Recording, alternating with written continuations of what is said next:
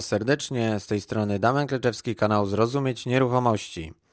Tak jak Wam mówiłem w ostatnim podcaście, który rozpoczynał drugi etap tak naprawdę nagrań na kontestację, tym 52 rozdaniem będziemy, będę się starał z Wami podzielić e, no pewnie w niejednym podcaście, tylko kilku lub kilkunastu nawet, swoim e, poradnikiem takim mentalnościowym, rozruch inwestycyjny, tym co on zawiera.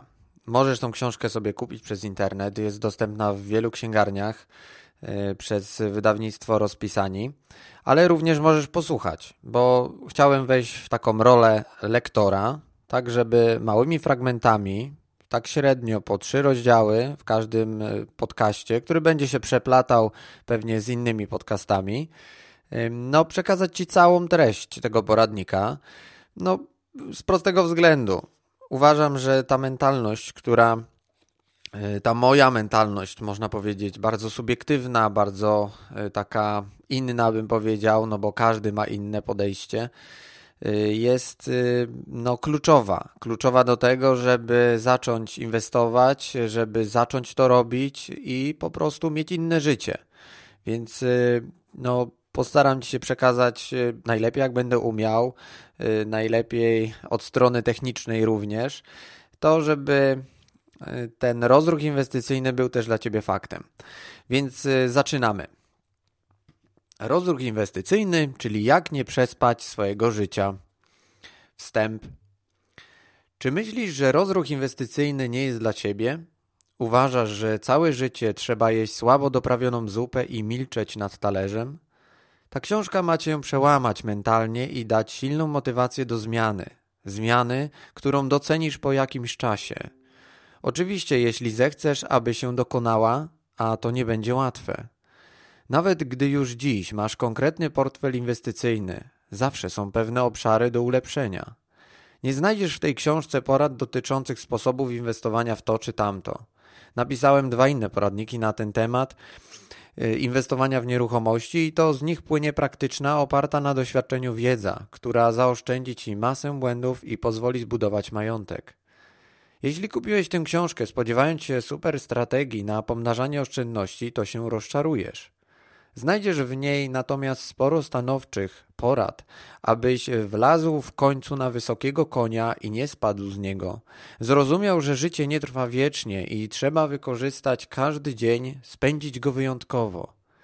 Ta książka ma za zadanie stworzyć w Twojej głowie fundament lepszego świata, w którym nie płyniesz z prądem, lecz pod prąd, szukając rozwiązań. Po zapoznaniu się z treścią nie musisz komentować poradnika w stylu kolejna papka motywacji i tym podobne. To zbędne. Jeśli uważasz, że masz na tyle duży potencjał, to działaj i ciesz się wynikami. Pozwól jednak innym, nawet tym wokół siebie, których się często nie widzi, zacząć ruszyć z miejsca, postawić pierwszy krok. Ludzie boją się zaczynać. To, co nowe, jest z założenia trudne.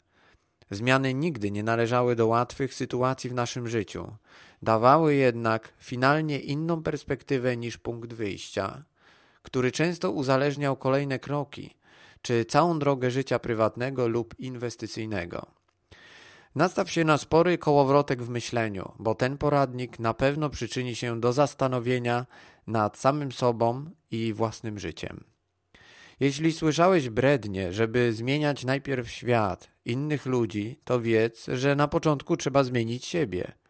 W swoim łbie przemeblować świat przekonań, którymi żyjesz na co dzień, co pozwoli ci dopiero trzeźwo ocenić rzeczywistość, w której żyjesz. Wiesz, co się jeszcze stanie? Po prostu odetchniesz. Od zmartwienia, zamartwiania się o pieniądze i inne trudne sprawy tego codziennego zabiegania. Wystarczy nieraz, że zmienisz jedną rzecz, a ona pociągnie za sobą kolejne. Tylko tyle. Nie robisz tego dla mnie. Ja już zarobiłem, bo kupiłeś ten poradnik. Robisz to przede wszystkim dla siebie. I zapamiętaj jedną ważną rzecz. Nie ma nic za darmo. To, co ma pociągnąć ważną zmianę, efektywny wynik musi kosztować i ma ustaloną cenę. Od ciebie zależy, czy ją zapłacisz. W swoim życiu spotykałem się z wieloma osobami, które paraliżował lęk przed podjęciem odważnej decyzji, zrobieniem czegoś inaczej, by zyskać inny wynik niż dotychczas osiągano. To, co wpływa w znacznym stopniu na takie zachowanie, jest zawsze wynikiem wcześniejszych doświadczeń życiowych. Człowiek nie rodzi się na całe życie z wyuczoną bezradnością. Mamy ją przez pewien etap naszego dzieciństwa, ale stopniowo się jej pozbywamy, wykształcając system radzenia sobie z różnymi wyzwaniami i przeciwnościami. Taki paraliż oraz bezradność zaniżają poczucie wartości, odbierają wiarę, że można osiągnąć wspaniałe rezultaty. Jeśli jesteś gotowy, zaczynamy. Nie przyszliśmy na świat, aby wegetować, aby wygodnie spędzić życie, żeby uczynić z życia kanapę, która nas uśpi. Przeciwnie, przyszliśmy z innego powodu, aby zostawić ślad. To bardzo smutne, kiedy przechodzimy przez życie, nie pozostawiając śladu. A gdy wybieramy wygodę, myląc szczęście z konsumpcją, wówczas cena, którą płacimy, jest bardzo i to bardzo wysoka. Tracimy wolność. Trzeba mieć w sobie trochę odwagi, trzeba zdecydować się na zmianę kanapy na parę butów, które pomogą ci chodzić po drogach, o jakich ci się nigdy nie śniło, ani nawet o jakich nie pomyślałeś. Po drogach, które mogą otworzyć nowe horyzonty, nadających się do zarażania radością. Słowa papieża Franciszka I z wizyty w Krakowie w 2016 roku. Rozdział pierwszy. Lęk przed inwestowaniem.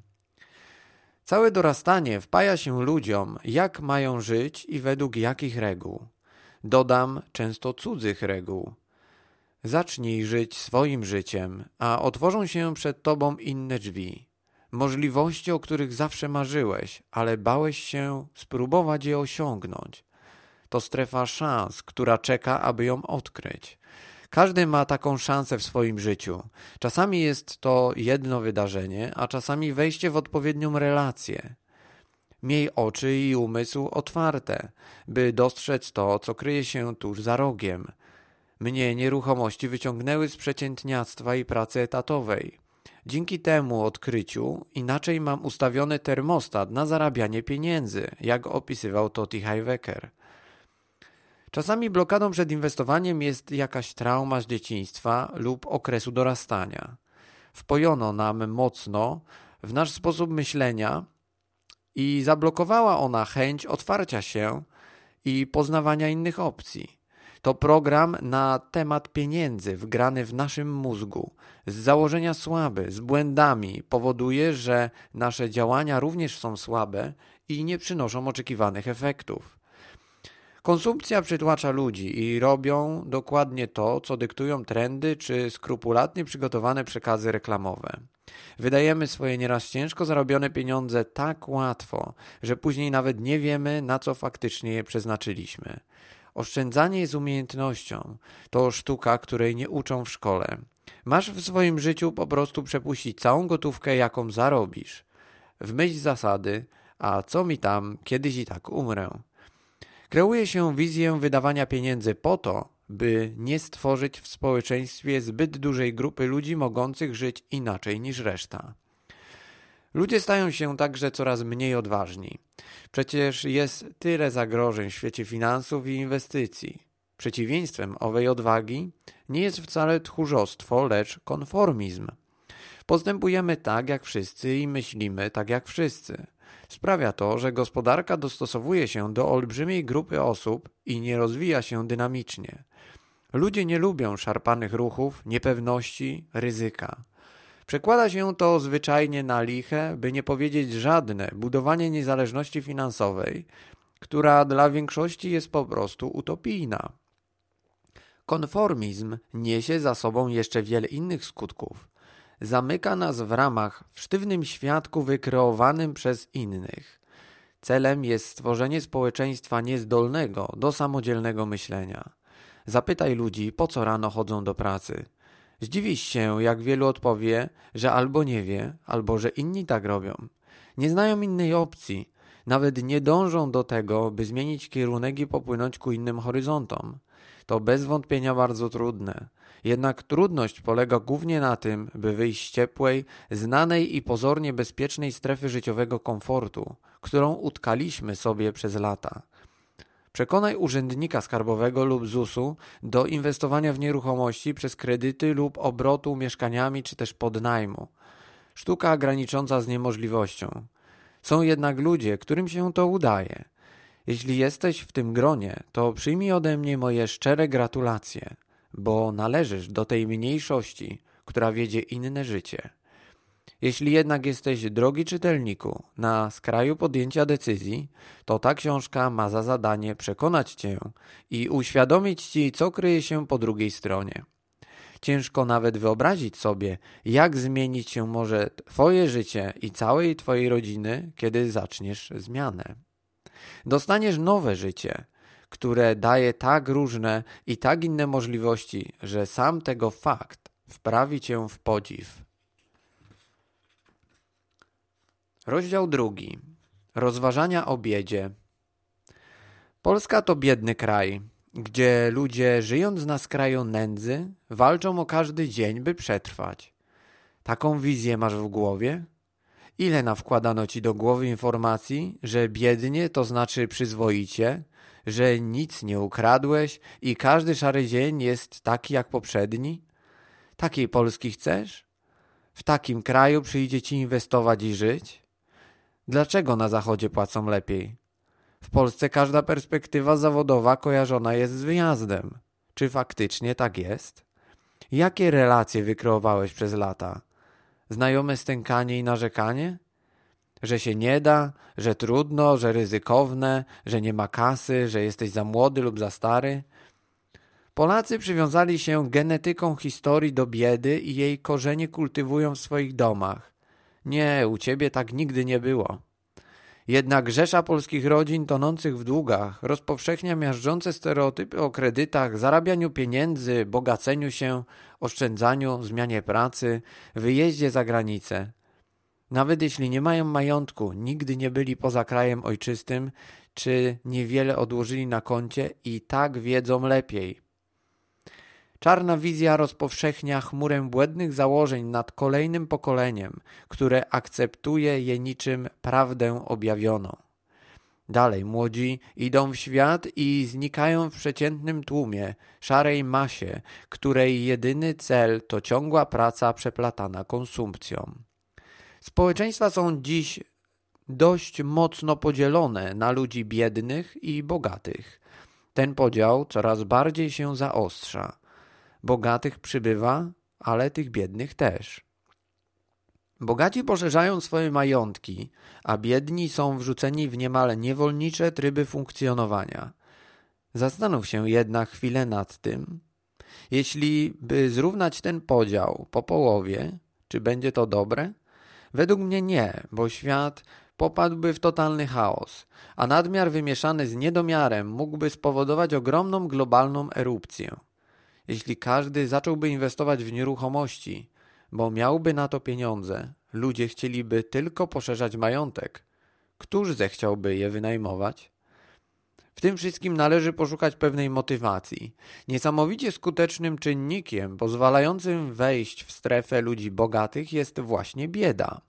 To ona sprawia, że się chce, że wzrasta wola życia i chęć osiągania czegoś.